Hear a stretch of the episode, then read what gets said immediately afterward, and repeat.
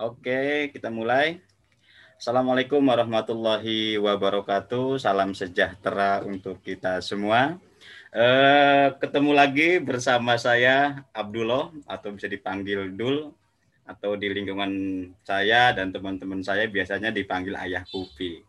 Pada malam hari ini kita mengundang salah satu kontributor Mubadala yang menulis tentang ekofeminisme, ilusi pembangunan dan mimpi buruknya. Ini saya kira tema yang menarik soal ekofeminisme, soal lingkungan dan jarang sekali yang menuliskan itu berhubungan apa berhubungan langsung dengan peran perempuan di di masa sekarang ini. Nah, kita kedatangan tamu Miftahul Huda. Halo Mas Selamat Miftahul Huda. Sehat Mas? Sehat, sehat. Alhamdulillah. Uh, sedikit agak angin-anginan. Sedikit angin-anginan karena musim hujan memang ya jadi musim yang ya musim hujan lah ya. Nah, gimana kabarnya sekarang lagi aktif lagi sibuk apa di masa pandemi ini? Sibuk banyak kan tidur sih mas. tidur. Oke, okay. Mas Mas Miftahul Huda ini adalah putra kelahiran Demak, begitu ya Mas ya? Dia seorang apa saya tertarik dengan Mas Huda itu mahasiswa S2 juga barista hmm. kopi ini cocok banget ini. Barista kopi. Saya pencinta kopi juga mas. Bukan yeah. pencinta uh, kopi yang yang saset-sasetan ya yang mereknya. Tapi lebih suka kopi yang asli yang original dan langsung dari petaninya. Nah ini Ya oke, teman-teman bisa langsung kontak Mas Huda nanti. Oke, acara ini live di Facebook mubadala.id silakan bagi teman-teman yang sudah hadir di Facebook bisa bertanya, bisa diskusi, bisa ya menambahkan uh, apa menambahkan pemikirannya lewat kolom, silakan tulis aja di kolom komentarnya. Nanti kita di akhir acara akan bahas bersama-sama.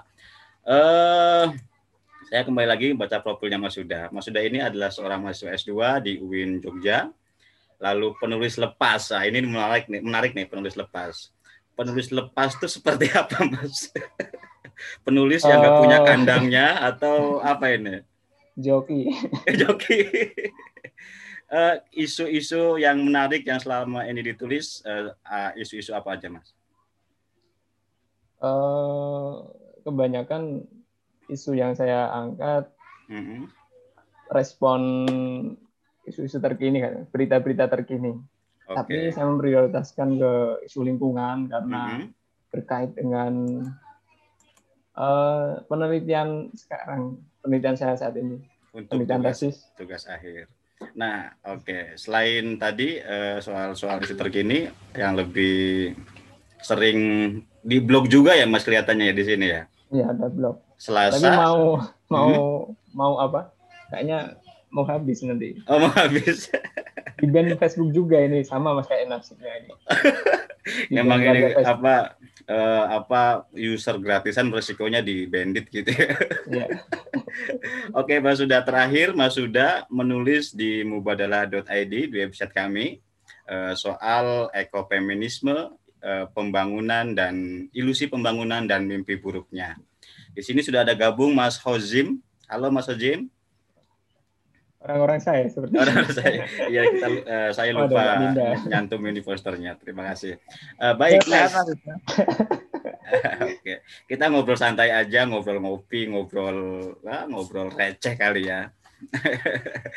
Oke, Mas Suda, uh, diawali dari uh, apa namanya judul tulisan yang di yang di ada di mubadala.id Eh, soal ilusi eh, eko, ekofeminisme, ilusi pembangunan dan mimpi buruknya.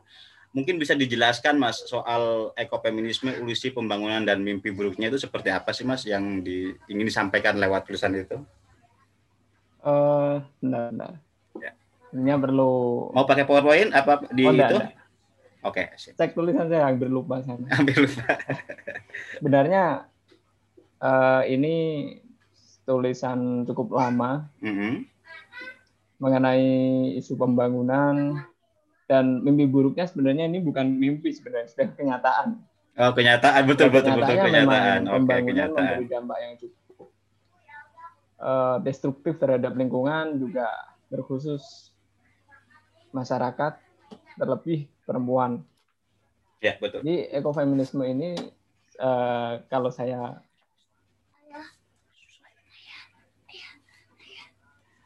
lanjut mas ya, Nggak apa -apa lanjut, ya? lanjut, lanjut. uh, bentar, bentar. Ya. Ekofeminisme ini uh, sebenarnya menghubungkan antara perempuan dengan lingkungan ya. mengenai eh, sama-sama uh, terdampak oleh pembangunan. Ya. Kalau saya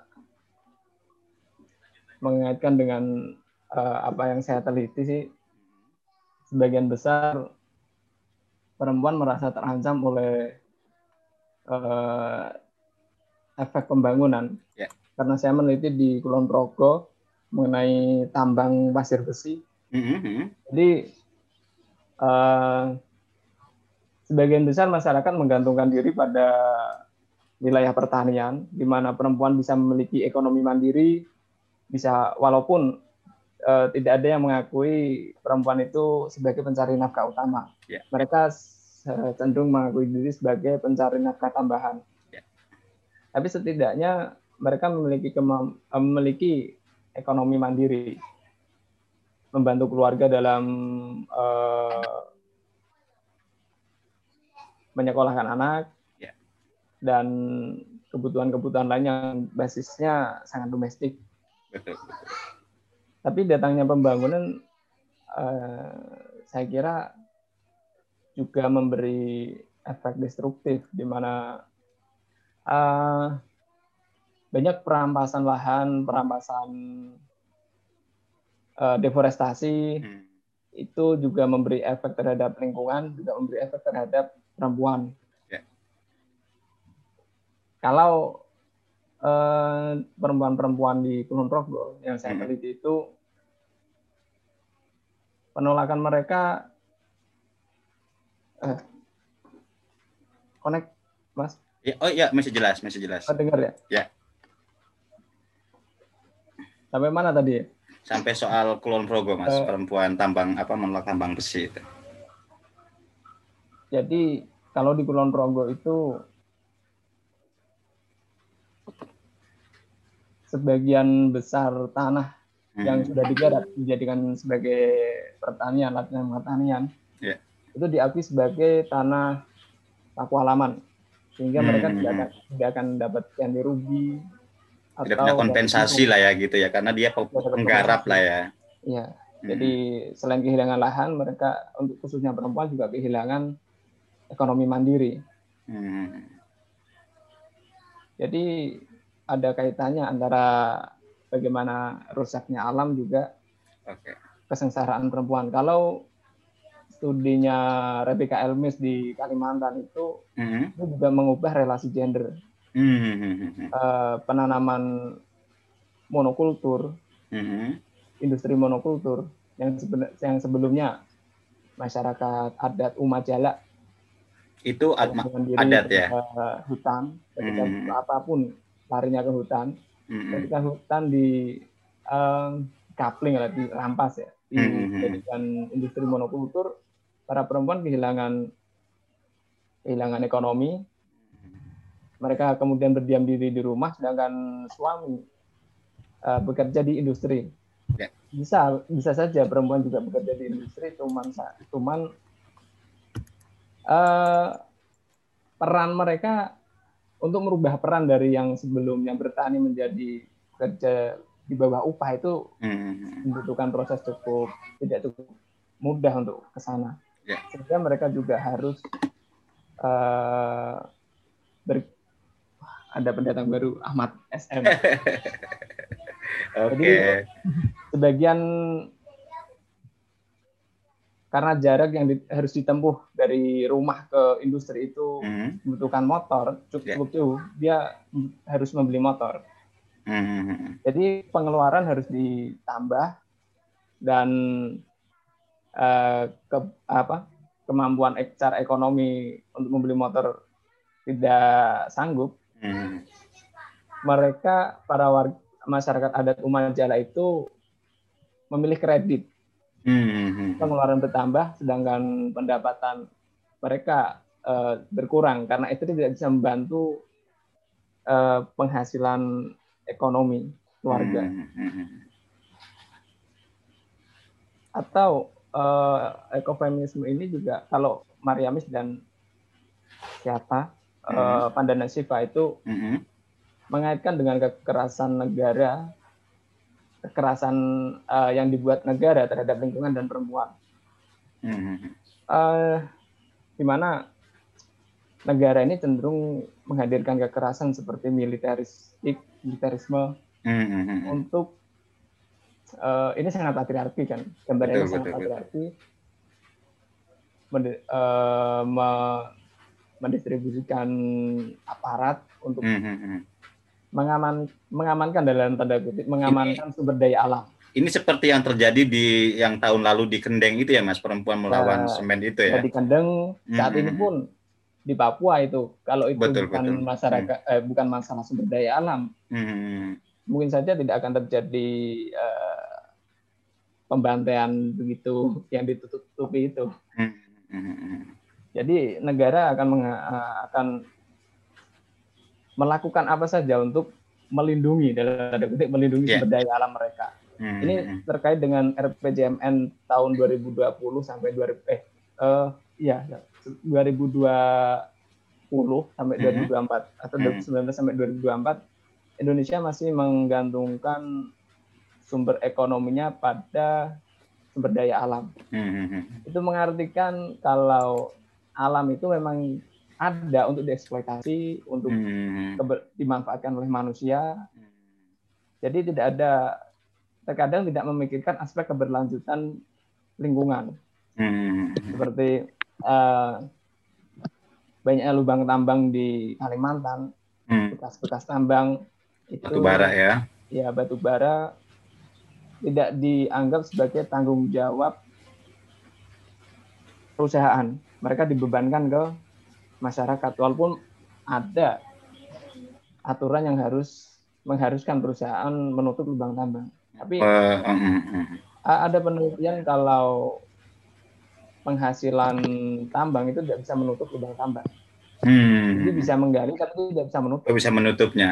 Itu banyak terjadi ketika saya uh, dua berapa tahun yang lalu saya ke Bangka Belitung, bagaimana hmm. pemer, apa uh, mengeksplorasi timah lalu setelah selesai kontraknya lalu ditinggal saja sehingga banyak iya. korban-korban berikutnya.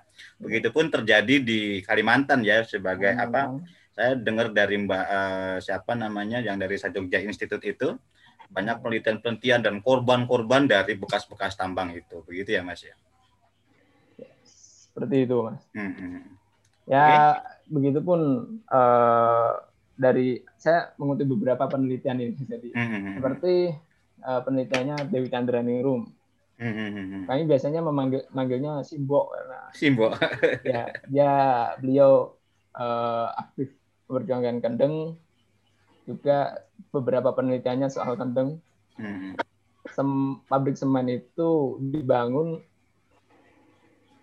jadi bangunnya di Indonesia tapi uh, yang membutuhkan semen, membutuhkan beton itu uh, banyak diekspor ke luar negeri. Hmm. Jadi uh, apa yang dimanfaatkan, apa yang dianggap bermanfaat, apa yang dianggap maju oleh dengan adanya pembangunan, saya kira kemajuan itu merupakan blueprint Barat. Hmm. Jadi seolah-olah itu pembangunan, kemajuan itu menjadi blueprint secara global untuk diikuti uh, seluruh negara di dunia saya kira pembangunan seperti itu sih mas gambaran okay, awal. Oke, gambaran awalnya. Oke mas, balik uh, ini menarik sekali. Ini ini sekaligus hasil risetnya sampean ya di Kulon Progo juga beberapa mengutip beberapa apa namanya kajian-kajian yang sudah di itu. Baik mas, saya akan memutarkan teaser dulu uh, sebelum kita teaser. lebih lanjut. Oh ada teaser juga. Ada teasernya.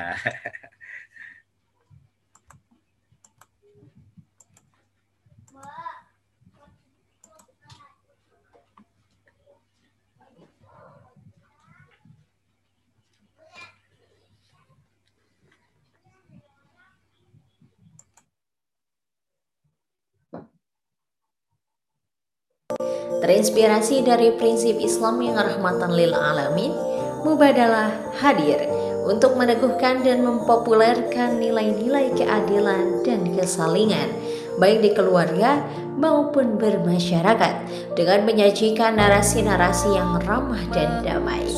Tema-tema keadilan dan kesalingan diharapkan dapat mencakup seluruh isu-isu seputar eksistensi dalam ranah pribadi, isu relasi dalam keluarga, sosial kemasyarakatan, isu peran negara, hukum, serta instrumen-instrumen global sejauh mana berkontribusi terhadap keberlanjutan yang berkeadilan.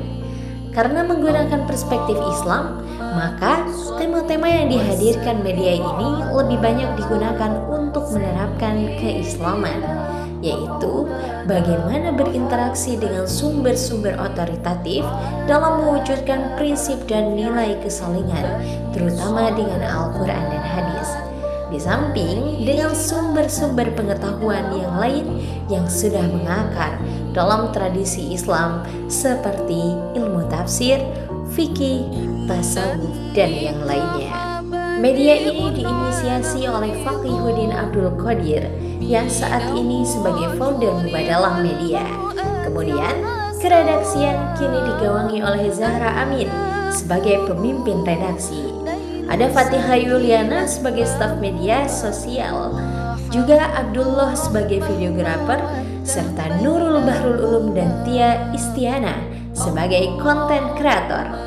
Mimin Mukminah dan Mumu Mustafa sebagai manajerial dan Zainal Fanani sebagai staf IT. Saat ini Mubadalah Media secara kelembagaan berada di bawah naungan Yayasan Fahmina Mubadalah Media juga terbuka untuk berkolaborasi dengan lembaga-lembaga lain yang memiliki kesamaan visi. Beberapa kegiatan yang pernah diadakan oleh Mubadalah Media di antaranya Majelis Mubadalah yang tersebar di beberapa daerah di seluruh Indonesia dan luar negeri.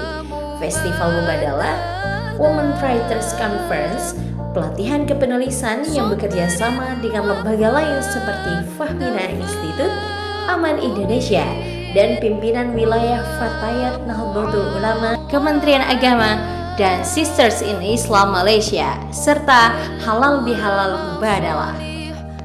Mubadalah Media secara resmi mengalami perubahan dari mubadalahnews.com menjadi Mubadalah ID pada tanggal 1 Agustus tahun 2020. Dengan perubahan nama tersebut, praktis mengubah semua nama akun di semua platform media sosial Mubadalah.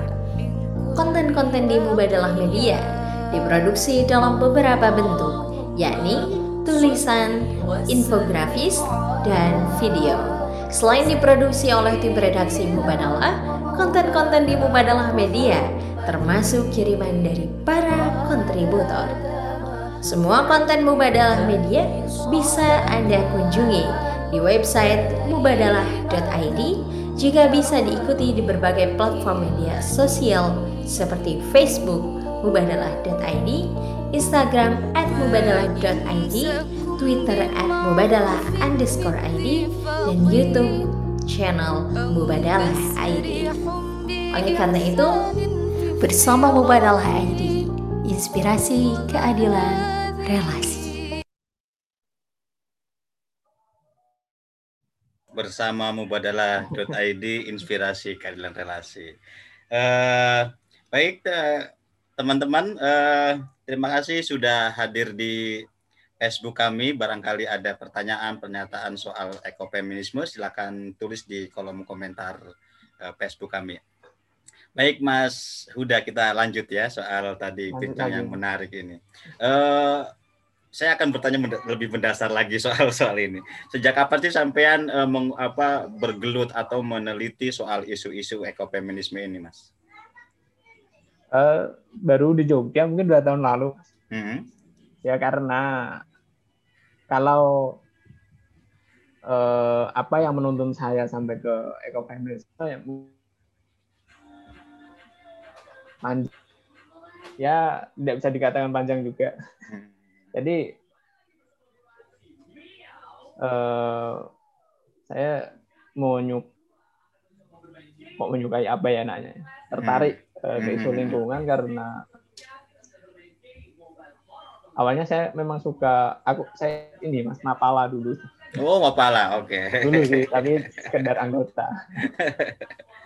Ya dari situ saya mulai tertarik ke hmm. isu lingkungan. Uh, dari awal menikmati kalau mapala menikmati kemudian saya coba mengejar isu lingkungannya. Hmm ada apa saja isu yang berkaitan dengan lingkungan, berkaitan dengan politik sampai hmm.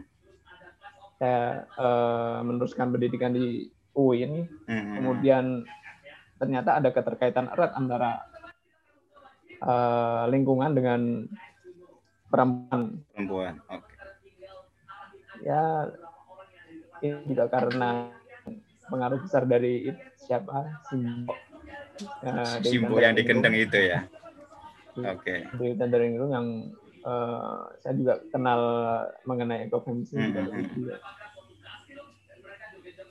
Mungkin itu, Mas. Oke. Okay. Apa yang Anda lihat dari ekofeminisme ini sehingga sampean bisa tertarik, bisa bisa meneliti, lalu bisa mengeksplor soal-soal uh, apa uh, perempuan-perempuan yang bergerak pada isu-isu lingkungan. Seperti misalnya tadi si Mbok dari Kendang itu misalnya itu seperti apa, Mas?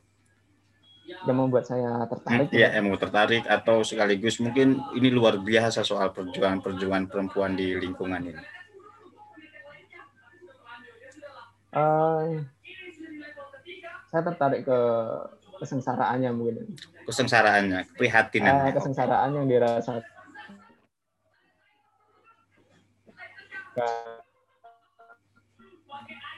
keprihatinan dulu saya menjumpai ketika saya di Semarang masih di Ursula dulu. Hmm. Uh, ada long march masyarakat Kendeng dari uh, dari Kendeng ke PT UN Semarang ke Gubernuran Semarang menemui Ganjar walaupun tidak ditemui. Hmm. Jadi mampir uh, checkpointnya di Unisula ketika itu. Hmm. Jadi saya bisa merasakan keprihatinan kemudian saya juga menyukai yang namanya apa ya jalan-jalan. Jalan-jalan ke ketan gitu ya sebagai anak kepala. Gitu. lebih ke situ apa namanya agak rutinitas atau agak ke hobi sebenarnya. Tapi isu-isu feminisme mengenai uh, lingkungan dan perempuan saya banyak mendapatkannya dari literatur-literatur hasil-hasil penelitian dari hasil-hasil riset ya beberapa sarjana. Hmm. Oke, oke, Mas. Uh, pertanyaan berikutnya, ini dalam kajiannya, dalam risetnya, kalau Mas Huda ini melihat uh, bagaimana situasi perempuan dan pembangunan itu seperti aman, Mas sekarang ini, Mas? Posisinya perempuan ya? Ya, posisinya perempuan. Hmm. Ya. uh, sejauh saya melihat atau saya kalau dikaitkan dengan lingkungan mengkhawatirkan karena hmm. negara begitu mendukung pembangunan. Ya. Artinya ya katakan Puan Maharani yang mendorong uh, apa namanya satu pertemuan awal-awal COVID itu, mm-hmm. perempuan itu harus aktif uh, mendukung pemutusan eh, penyebaran COVID, mm-hmm. Me- memanfaatkan apa namanya kepeduliannya ke apa ke uletannya di wilayah domestik. Tapi dalam saat yang bersamaan dia mengesahkan undang-undang nerba. Mm-hmm juga uh, eh, RU Cipta Kerja undang hmm. Cipta Kerja. Jadi ada kontradiksi antara uh, saran dengan saran dengan kebijakan. Kebijakan memang tidak mendukung, hanya hmm. uh, apa saran-saran saya kira. Ya. Kebijakan sih dengan wilayah domestik. Hmm. Bagaimana kita uh, mendukung perempuan untuk aktif di wilayah domestik untuk uh, terus uh, keluarga hmm. ketika di rumah. Hmm. Tapi banyak lahannya pertambangan apa diizinkan. Hmm. Freeport pun enggak, tidak di ini, tidak ditutup. Berbeda dengan Freeport Meksiko di penelitiannya Drake, Drake atau siapa dari Belanda. Hmm. Ketika ada kasus positif, langsung ditutup Freeport. Hmm. Jadi memang tidak terintegrasi antara kebijakan publik dengan ya, tidak terintegrasi dengan uh, wilayah domestik. Ya semakin tersia-sia saja perempuan di wilayah domestik. Hmm. Mau masak tapi masak apa tidak ada yang di uh, sulit apa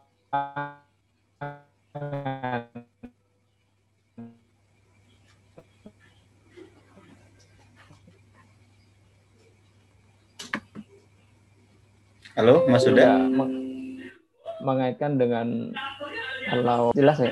Oke, okay, oke, okay, jelas. Kalau Amartya Sen itu kenapa orang kelaparan, kenapa orang tidak dimakan? Penyebab utamanya bukan karena krisis kemiskinan, hmm. akses terhadap sumber daya. Akses terhadap sumber daya. Ketika sumber daya apa yang ingin kalau perizinan tambang termuda hmm. yang menggusur uh, lahan pertanian, hmm. lalu mana perempuan bisa mengakses hmm. Jadi nah, posisi perempuan di antara ketidakkonsistenan pemerintah. Oh gitu. Ya. Oke, okay. kemas sekali ya. Soal-soal bagaimana kita supaya menjaga dan melestarikan lingkungan, tetapi di sisi lain pemerintah juga mengizinkan, meng, apa, mengeksploitasi soal lingkungan. mempermudah itu. Mempermudah keizinan. Begitu juga di lingkungan saya, Mas. Tidak, tidak. Begitu juga di lingkungan saya banyak petani penggarap sekarang, artinya buruh tani, ketika lahannya mereka, lahannya yang digarap itu timbul bangunan-bangunan rumah-rumah begitu, sehingga dia nah. ya tidak bisa lagi menggarap sebatas seburuh tani misalnya sebatas buruh tani ketika lahannya sudah tidak ada ya dia tidak bisa mengapain-ngapain lagi begitu ya. Nah, ya, kan tidak tetapi bisa disebut petani berarti Iya, bukan disebut petani. Hilang, Juga ya. lain di kasusnya ketika saya punya kesempatan beberapa tahun yang lalu bahwa perempuan itu adalah nomor satu untuk uh, soal lingkungan itu. Apalagi di di daerah-daerah apa uh, saya lahir sebagai anak petani ya. Ketika uh, memikirkan pupuk misalnya kapan mau beli pupuk, kapan mau diambilin gulmanya, itu perempuan dulu yang mengingatkan kepada suaminya. Ma, ya saya kira perempuan adalah garda terdepan untuk kelestarian lingkungan. Begitu. Nah, baik Mas Huda. Uh, kira-kira hasil riset sampean di lapangan tadi yang di tambang besi Kulon Progo misalnya atau ketika di ketika di Kendeng ya, ketika di Kendeng di Kendeng untuk apa bagaimana sih upaya kita untuk kira kira-kira menjaga lingkungan, menjaga keseimbangan alam dengan kira kira-kira dengan uh, pembangunan lah kira-kira Mas, terutama soal soal perempuanannya Mas. bisa ya Mas ya. Ya. Uh, pertama uh, kalau dikaitkan dengan ekofeminisme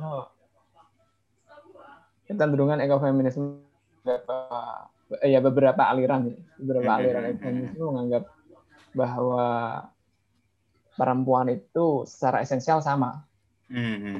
Secara esensial sama bahwa mereka terkonstruksi gender mereka terkonstruksi oleh budaya secara sama oleh budaya. Jadi kalau dalam penelitian saya saya menemukan hal yang berbeda. Hmm.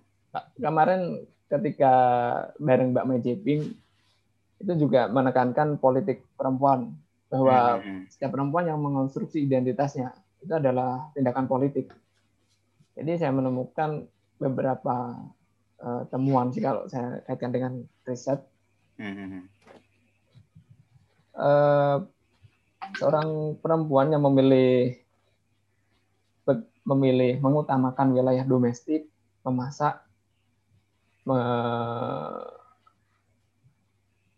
me, apa mengadopsi itu apa namanya memandikan hmm. anaknya ngadusi memandikan anaknya itu adalah tindakan politik karena dia secara hmm. sadar karena dia secara sadar uh, memilih untuk melakukan itu hmm. jadi bukan di, tidak dianggap bukan dianggap sebagai tempat penitipan makna bahwa dia konstruksi budaya seperti itu hmm. konstruksi budaya untuk dah di wilayah domestik saja bukan dia memilih itu dia memilih ketika uh, wilayah pertanian ladangnya terancam oleh tambang dia hmm. merespon hmm.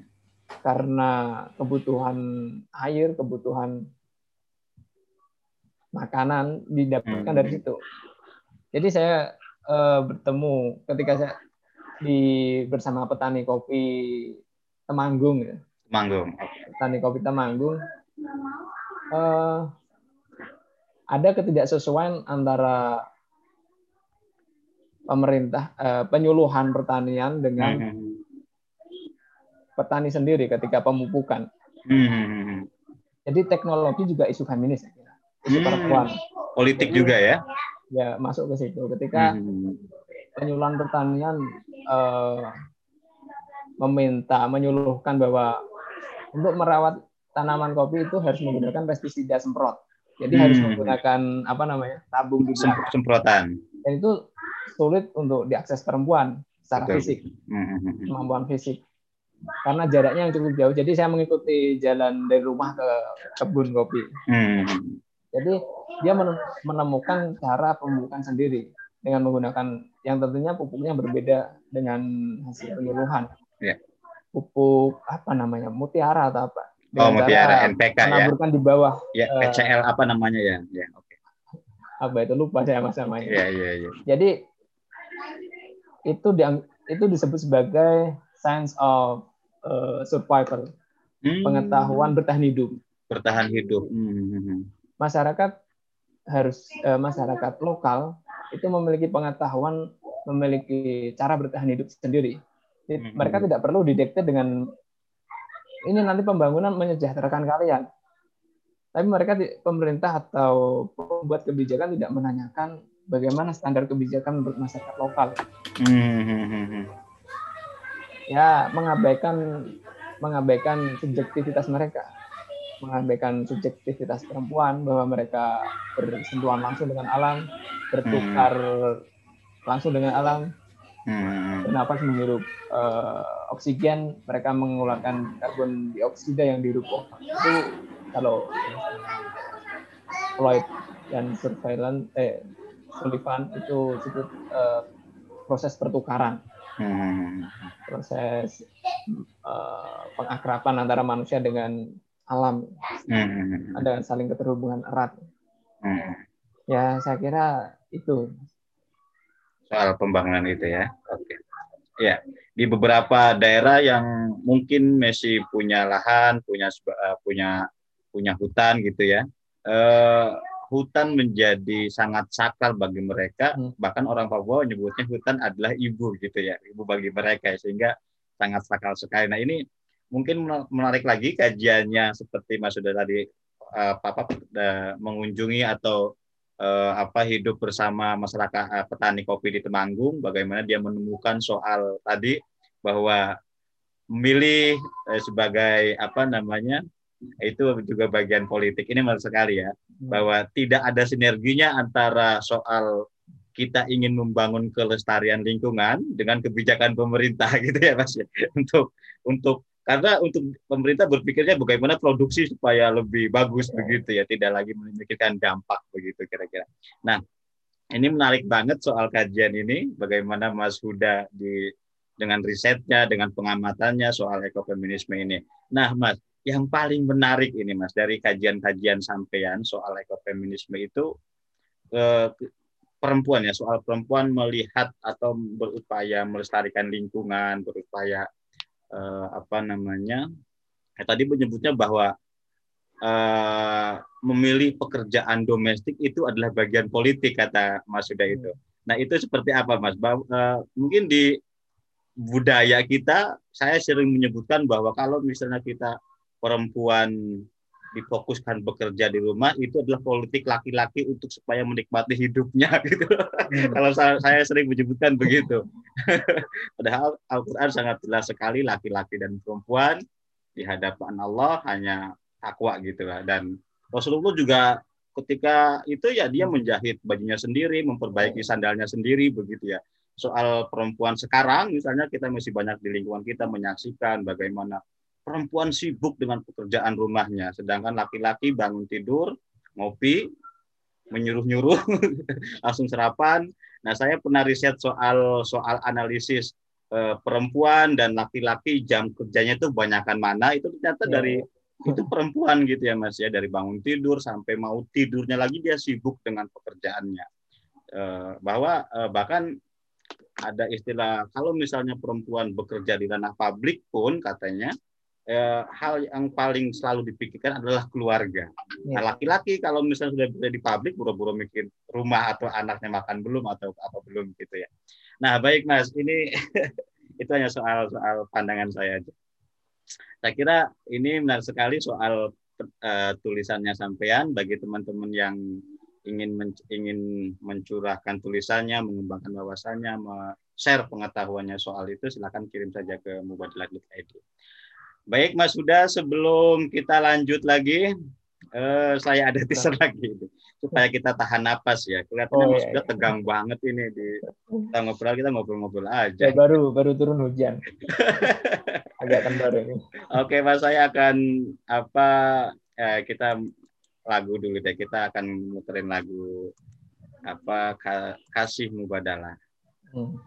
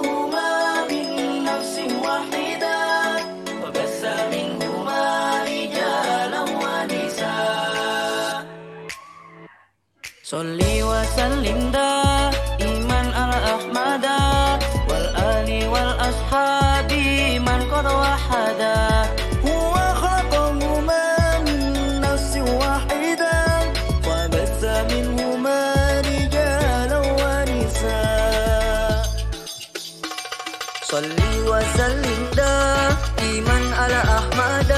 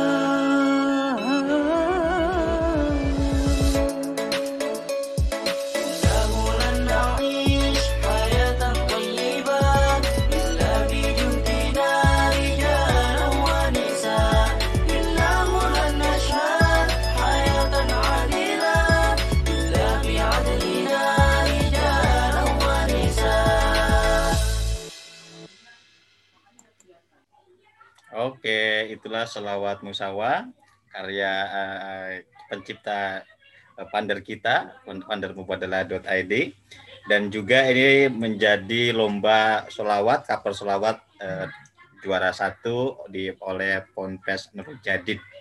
Nah, baik Mas Suda, kita tarik nafas. kita waktu sebentar lagi Mas, ini nggak terasa waktu apa saking asiknya ngobrol soal lingkungan. Saya suka sekali soal lingkungan, Mas.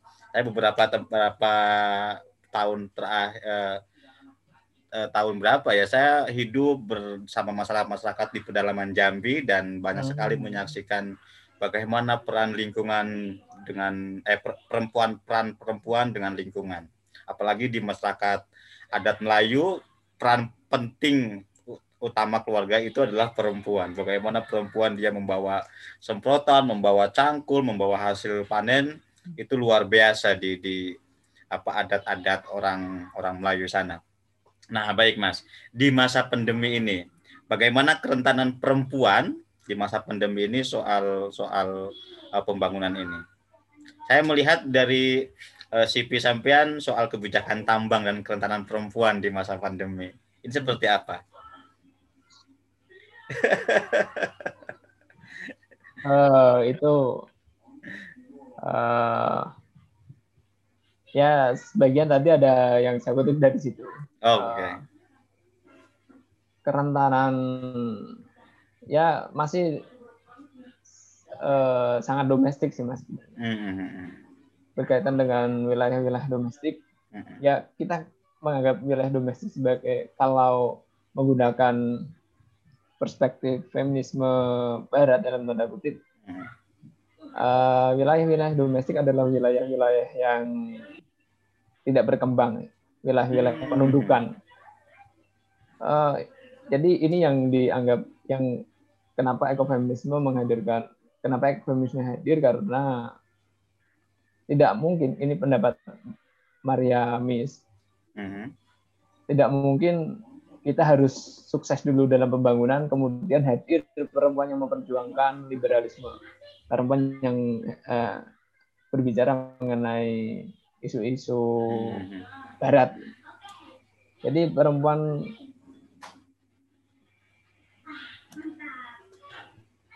ya dengan ke kearifan lokal yang harus diakui. Hmm. Oh, tidak stabil. Iya, tidak stabil sinyalnya kali ya. Oke. Okay. Kerentanan perempuan kalau dalam yang penelitian saya yang itu hmm. berkaitan dengan tambang juga. Ini undang-undang nerba, kemudian hmm.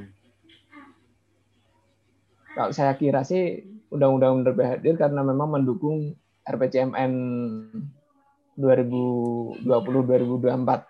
Hmm dan juga beberapa penelitian menemukan bahwa kekurangan eh KEK itu singkatan dari apa ya? Apa mas? Kekurangan KEK KEK. KEK. Kekurangan oh. itu soal kesehatan nih. Kekurangan hmm. apa ya? Kurang paham saya. Ya, saya lupa itu singkatannya apa. Hmm. Itu berpengaruh terhadap angka kematian ibu dan angka hmm. kematian bayi. Karena jaraknya terlalu dekat dengan bank. Hmm. Itu di Kalimantan penelitiannya Pasar Ibu kalau tidak salah.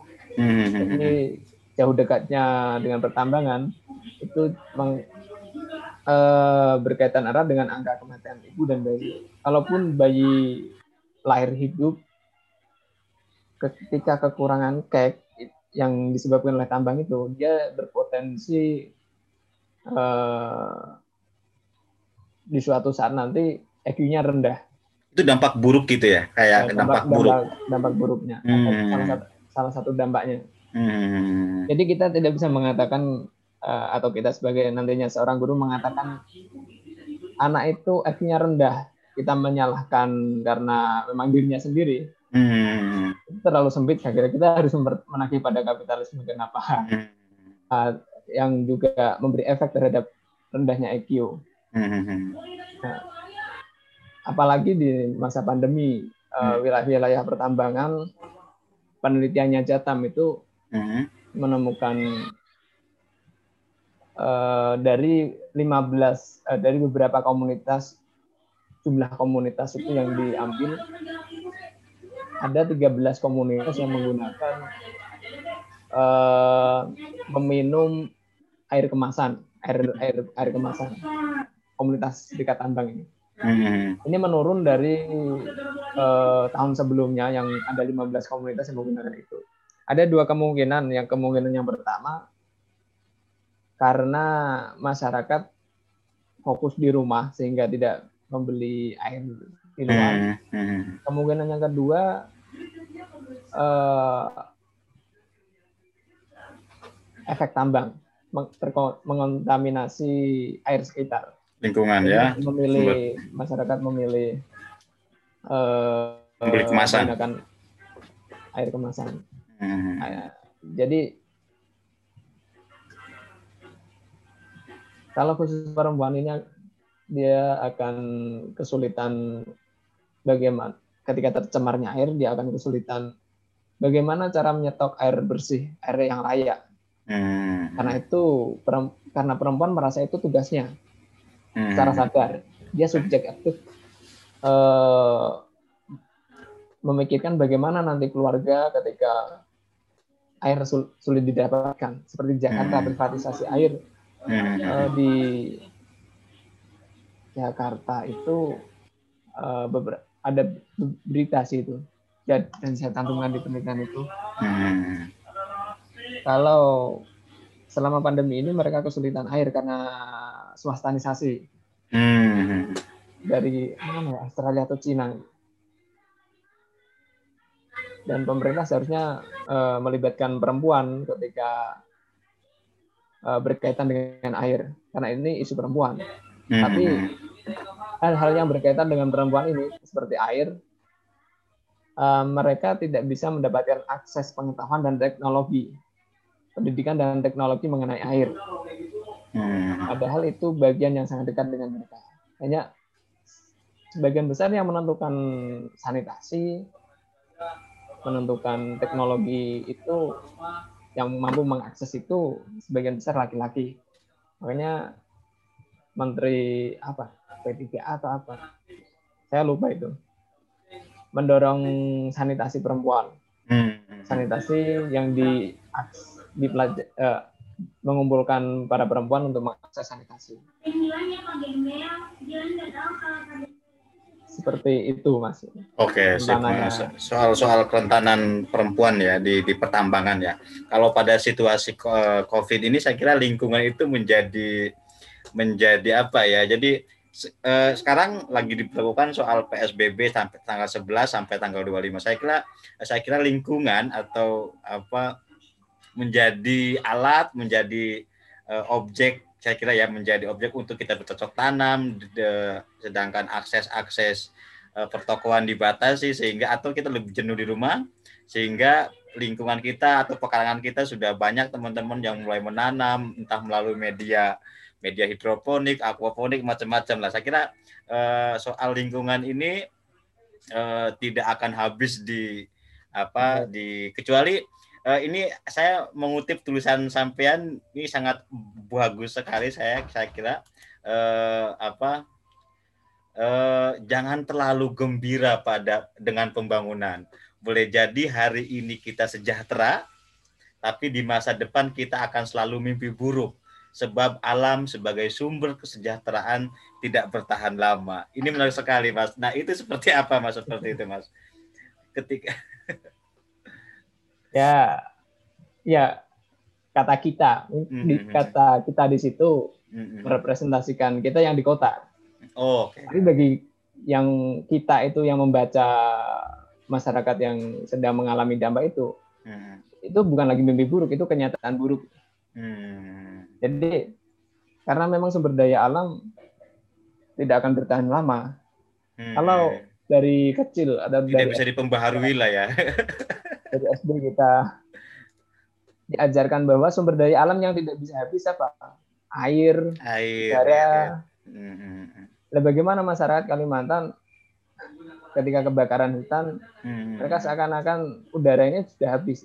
Hmm.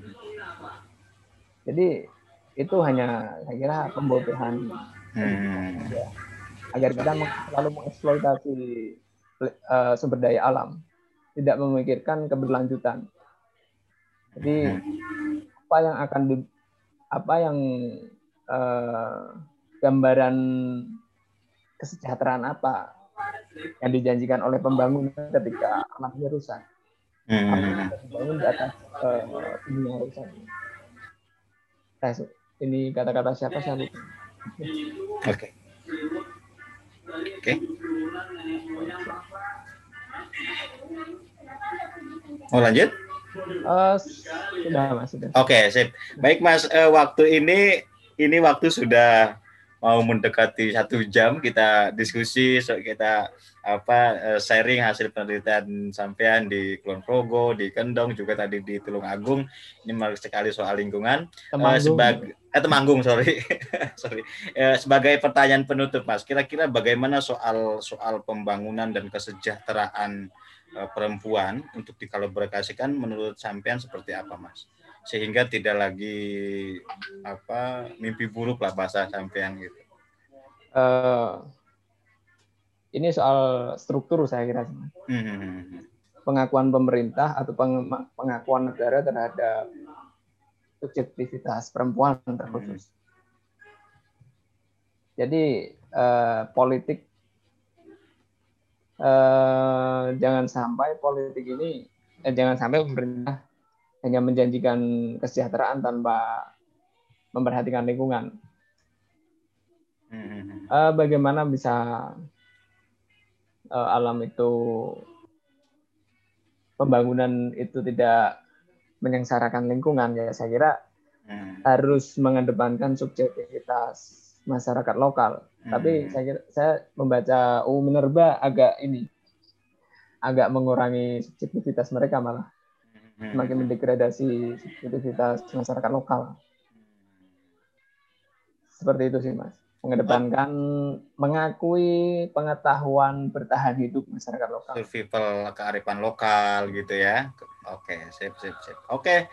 Mas sudah terima kasih sekali sudah berkenan mengobrol ya, soal ekofeminisme dan apa saya kira menarik sekali kajian-kajian sampean semoga apa kajiannya risetnya oh, iya, iya. Eh, bisa Doanya. menjadi wasilah pengetahuan untuk kita semua dan juga eh, terus eh, kita masih masih menampung sebagai apa mubadalah.id menampung tulisan sampean-sampean.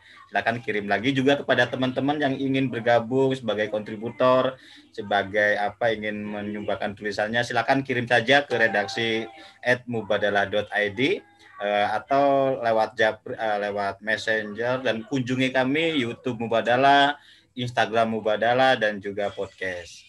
Terima kasih Mas Sudah sebagai apa apa ya saya nggak bisa uh, kata penutup tapi ini saya ingin meng mengulangi lagi uh, tulisannya sampean yang menurut saya keren banget soal jangan terlalu gembira dengan pembangunan. Boleh jadi hari ini kita sejahtera, tapi di masa depan kita akan selalu mimpi buruk. Sebab alam sebagai sumber kesejahteraan tidak bertahan lama. Ini keren banget kata-katanya. Terima kasih Mas Suda. Sampai kasih, ketemu. Mas. Semoga kita, kita semoga kita bertemu. Juga kepada teman-teman kalau ingin lebih lanjut diskusi soal diskusi soal ekofeminisme dengan Mas Suda, silakan kunjungi di IG-nya Mas ya. Apa nama IG Mas? Apa ya? Sampai lupa saya. Sampai lupa. Tadi dulu kayaknya ada di itu ya. Miftah Serdadu. Miftah Serdadu dan juga di Twitternya Huda Serdadu. Oke Mas Huda, saya terima kasih sekali sudah belajar bersama-sama, bekerja bersama-sama. Terima kasih sekali. Salam buat teman-teman juga dan jangan lupa kita tetap menjaga protokol kesehatan untuk memutus mata rantai kesehatan dan juga memakai masker ke mana-mana. Wallahul muwaffiq Assalamualaikum warahmatullahi wabarakatuh. Waalaikumsalam. uh, mantap Mas Yuda. Nah, padamu. Nah.